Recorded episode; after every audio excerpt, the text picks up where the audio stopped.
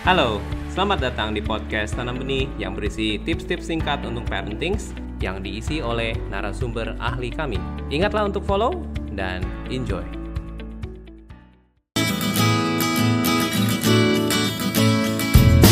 Apa peran orang tua di dalam membangun tiga kebutuhan dasar tersebut? Rasa aman, hubungan orang tua yang baik dan berkualitas itu adalah hal yang menjadi sangat penting dalam pembangunan rasa aman. Kalau ayah dan ibu yang sering bermasalah, tentunya akan menimbulkan rasa tidak aman.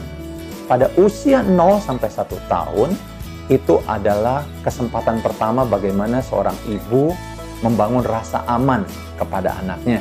Makanya menyusui dengan ASI eksklusif itu adalah cara yang terbaik. Pada usia anak 2 dan 3 tahun, ini peran ayah sudah mulai menonjol karena kedekatan ayah dan ibu, kedekatan orang tua dan anak akan mulai terasa lebih kuat karena bayi juga mulai berinteraksi lebih banyak lagi dengan sang ayah. Di sinilah bukan saja rasa aman terbangun, rasa berharga akan terus bertumbuh sejalannya dengan usia.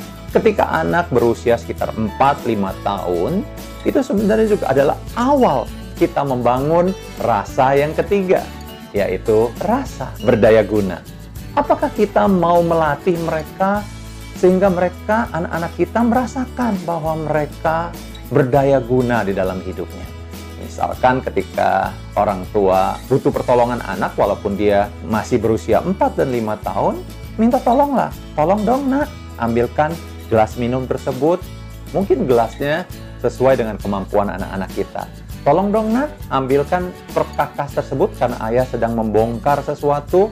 Pelatihan seperti ini akan membangun rasa berdaya guna anak. Anda baru saja memperluas pengetahuan parenting Anda. Follow podcast Tanah Benih di Spotify untuk terus mendapatkan update pengetahuan parenting. Mari bersama-sama menjadi orang tua yang lebih baik untuk generasi bangsa yang lebih baik.